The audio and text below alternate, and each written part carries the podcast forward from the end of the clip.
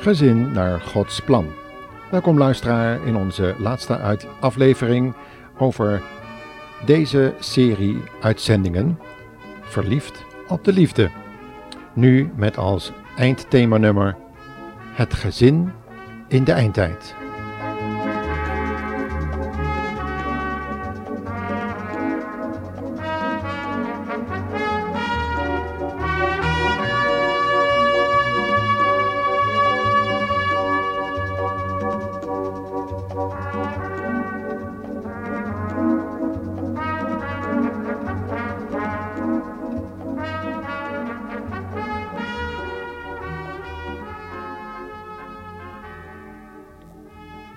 Ogenblik komen er signalen op ons af. De hond blaft omdat hij wil worden uitgelaten. Ons dochtertje dreint omdat ze aandacht vraagt. Een pijnscheut in mijn buik vertelt dat er vermoedelijk iets mis is in mijn maag. En de vlag half stok betekent rouw en een schooltas aan de vlag vertelt de hele buurt dat onze zoon geslaagd is voor zijn MAVO-examen. Schepen geven boodschappen door met signaalvlaggen. Mensen en dieren communiceren door middel van een ontelbaar groot aantal signalen. En de hond laat grommend zijn tanden zien om te zeggen: Kom niet op mijn territorium. De bloem communiceert door kleuren en geuren met insecten. En zo schieten er dagelijks miljarden signalen heen en weer door Gods schepping. En ook God geeft zijn signalen door aan ons, zijn schepselen.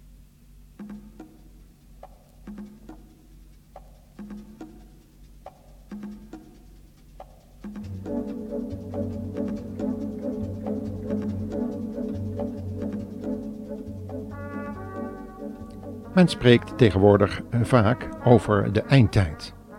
Leven wij nu in die gevreesde eindtijd? Wat wordt er eigenlijk met die eindtijd bedoeld? Kunnen we de wederkomst van onze Heer en Verlosser in deze tijd verwachten? Wat zijn de signalen van God? De tekens van die eindtijd dus. Wat wordt er van ons verwacht in deze tijd? Allemaal vragen die te veel zijn om in één radioprogramma te behandelen. Zo de Heer wil, zullen we dit in andere uitzendingen nog eens belichten, of u kunt ze opvragen in programma's die reeds over dit onderwerp de signalen de lucht in hebben gestuurd. In verleden tijd dus. Jezus heeft ook uitvoerig over de laatste dingen, over die eindtijd gesproken. De discipelen hadden het er best moeilijk mee. En ze zaten dan ook met heel wat vragen. U kunt dat lezen in Lucas 21. Meester, wanneer zal dit dan gebeuren? Wat is het teken dat deze dingen zullen gebeuren? En dan geeft Jezus heel wat signalen, tekens voor de eindtijd. Eén ervan willen we nu naar voren halen.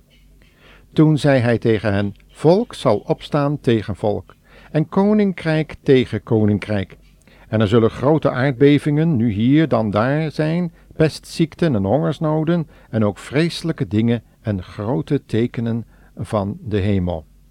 Jezus geeft hier dus zes signalen die de eindtijd zullen aankondigen, en één voor één lopen we die tekenen dan even na.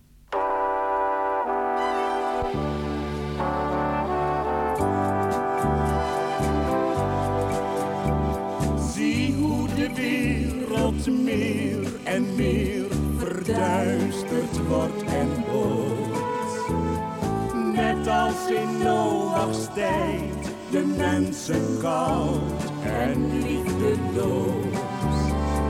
Zie toch hoe menig mens de gezonde leer niet meer verdraagt. En in zijn hoogmoed niet naar God meer vraagt. Wachten, wat is er van de nacht? Wachten wat is er van de nacht? De nacht is ver gevorderd en de morgen is nabij. Dat de Heer verschijnen zal voor u en ook voor mij. de duisternis zal beven, bevreesd voor sneeuw en nacht. Wachten, wat is er van de nacht? Er zijn altijd stammenoorlogen geweest. Maar nu lijkt het erop alsof geen enkel volk meer in vrede met elkaar kan leven. De volken van Rusland voeren oorlog met elkaar.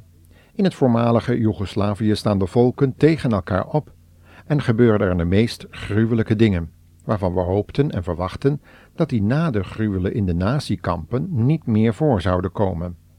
In Liberia is de bloedigste stammenoorlog van de geschiedenis nog lang niet afgelopen. In Angola dreigt het conflict weer los te barsten. De stammen in Zuid-Soedan, die voornamelijk uit christenen en animisten bestaan, worden systematisch met de dood bedreigd door het islamitische noorden. De stammetwisten in Cambodja zijn nog lang niet voorbij. En de slachtingen in Ethiopië en Burundi liggen niet ver achter ons en kunnen elke dag weer losbarsten. Racisten, ook in ons land, hitsten de geesten van de mensen op tegen minderheden uit andere volkeren en wakkeren zo het vuur van de opstand van volk tegen volk aan. Werkelijk, in onze tijd staat volk op tegen volk.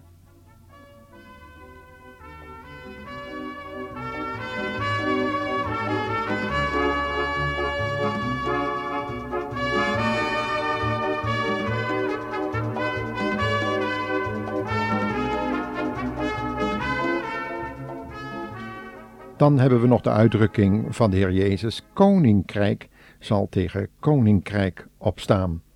Het gaat hier om oorlogen tussen verschillende landen. Na de Tweede Wereldoorlog zijn er tientallen lokale oorlogen geweest. Denkt u maar aan Korea en Vietnam. Er waren oorlogen in Afghanistan en Tibet, veel koloniale oorlogen, waarbij derde wereldlanden vochten voor hun onafhankelijkheid. Maar er is nog veel meer gebeurd. Iran en Irak voerden jarenlang een bloedige oorlog. De Golfoorlog ligt nog vers in het geheugen. En de Falklandoorlog, de vier oorlogen tegen Israël, enzovoort, enzovoort, kennen we allemaal. Ondanks het non-profilatiegedrag gaat de bewapening gewoon door. En de ondergrondse spanningen eveneens. En ze komen tot uitbarsting. Wapens worden gekocht om te worden gebruikt tenslotte. Inderdaad, er zijn altijd oorlogen geweest, maar in de laatste decennia waart het virus van de oorlog rond en heeft de hele wereld aangestoken. En wat dacht u van de gezinnen? Thuis ontstaan er ook oorlogen. Man tegenover vrouw. Ouders tegenover kinderen. Kinderen tegenover elkaar. En ook in de gezinnen. Ze is er continu een situatie, een sfeer van oorlog. Alsof het een afspiegeling is, en dat is het ook, van wat er in de wereld om ons heen gebeurt. Dat is niet verwonderlijk wanneer we naar de televisie kijken en dan elke dag maar weer al die ellende in de wereld aanschouwen. Op een gegeven moment worden we er hard van en laten we de onderlinge liefdeband los. Op elk 11 oktober werden we weer eens opgeschrikt door de aardbeving vorig jaar die Cairo heeft getroffen. Bijna 400 mensen voor de, vonden de dood. En zelfs Nederland maakte zo'n anderhalf jaar geleden een aardbeving mee. En niet zo lang geleden werd er in Aruba zelfs een beving gevoeld. We moeten er niet aan denken als dat ook op Curaçao gebeurt. Iedereen weet dat Curaçao zo'n beetje op een paddenstoel staat, als uit de grond gespuwd zou je kunnen zeggen door een onderaardse vulkaan, en wanneer er ook maar één zeebeving komt, ligt heel Curaçao als een losgeslagen eiland klaar om weer te verzinken zoals het is opgekomen. De frequentie van het aantal aardbevingen neemt ook opvallend toe. In de eerste helft van deze eeuw telde men gemiddeld één zware aardbeving per vijf jaar. In de eerste twintig jaar na de Tweede Wereldoorlog kwamen er ongeveer zeven zware aardbevingen per jaar voor maar de laatste twintig jaar is dit aantal alweer verdubbeld. Een veertiental zware aardbevingen per jaar. En zo zien we, de hele aarde is in onrust. Op het sociale vlak zien we hoe volken dus tegen elkaar opstaan, hoe rassen en religies elkaar steeds minder gaan verdragen. In de natuur rommelt het vanwege aardbevingen, tornado's, vulkaanuitbarstingen en ook ecologische vervuilingen leggen tijdbommen in de natuur. Evenals de normvervaging, waar regelmatig in allerlei nieuwjaarsreden door allerlei personen in de overheid en in de sociale sector hun nadruk hebben gelegd.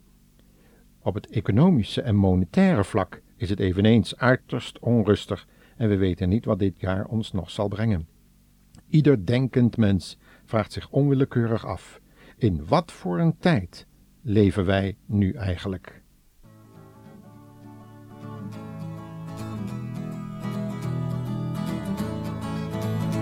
In de chaos van vandaag stellen mensen steeds de vraag waarom er de oorlog is, waar de rust gebleven is. En het antwoord dat ik geef gaat verloren door geschreeuw in een wereld vol van mist en vol van pijn. Maar wees nog stil, eens komt de tijd dat angst en nacht er niet meer zijn. In een nieuwe wereld waar ik komen tijd dat angst en nacht niet meer zijn. In een nieuwe wereld waar ik komen zal. Want ik ben er zeker van dat de dag eens komen zal. Dat de zon weer schijnen gaat door de wolken van de haat. Maar op geen kalender staat dat dan Jezus komen gaat. In de nieuwe morgen die zich breekt een baan. Maar wees toch stil, eens komt de tijd dat angst en nacht er niet meer zijn. In een nieuwe wereld waar ik komen zal. Maar wees toch stil, eens komt de tijd dat angst en nacht er niet meer zijn. In een nieuwe wereld waar ik komen zal. De Heer Jezus sprak ook over pestziekten, hongersnoden, vreselijke dingen die van de hemel zullen gebeuren. En het is frappant dat al deze tekens niet alleen tegelijk en opvallend vaak voorkomen in onze tijd, maar dat die signalen ook versneld toenemen. Door televisie, radio en kranten kan iedereen in de wereld ook kennis nemen van deze ontwikkelingen. Het zijn inderdaad bijbelse tekens, signalen van de Almachtige. En hierin ligt nu een zeer ernstige waarschuwing voor onze tijd, die de Heer Jezus zelf geprofeteerd heeft. Deze tijd kan ieder moment uitlopen op de echte eindtijd. Lang, eeuwenlang heeft God in zijn genade geduld gehad. Hij wil immers niet dat iemand verloren gaat, maar dat allen tot geloof in de Heer Jezus Christus komen. O, het geduld van God is onuitsprekelijk, zoals een vader met zijn kinderen omgaat, en tot het uiterste toe nog hun de kans geeft. Natuurlijk klinken bij al die rampen om ons heen die wanhopige, verdrietige en ook opstandige waaroms. Maar het antwoord op die waaroms vinden we op het kruis van Golgotha. De enige die het waarom mocht uitroepen, ja uitschreven, was de Heer Jezus, de onschuldige, het lam van God. Hij zei, mijn God, mijn God, waarom verlaat u mij?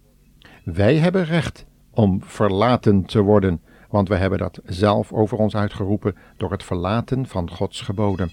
Maar Hij was de enige volmaakte. En juist Hij zegt: Kom tot mij, die vermoeid en belast zijt, en ik zal u rust geven. Geef God dat wij van deze genade gebruik zullen maken. Bon dia, luisteraar, en tot de volgende uitzending. Want ik ben er zeker van dat de dag eens komen zal. Dat de zon weer schijnen gaat door de wolken van de haat. Maar op geen kalender staat dat dan Jezus komen gaat. In de nieuwe morgen die zich breekt een baan.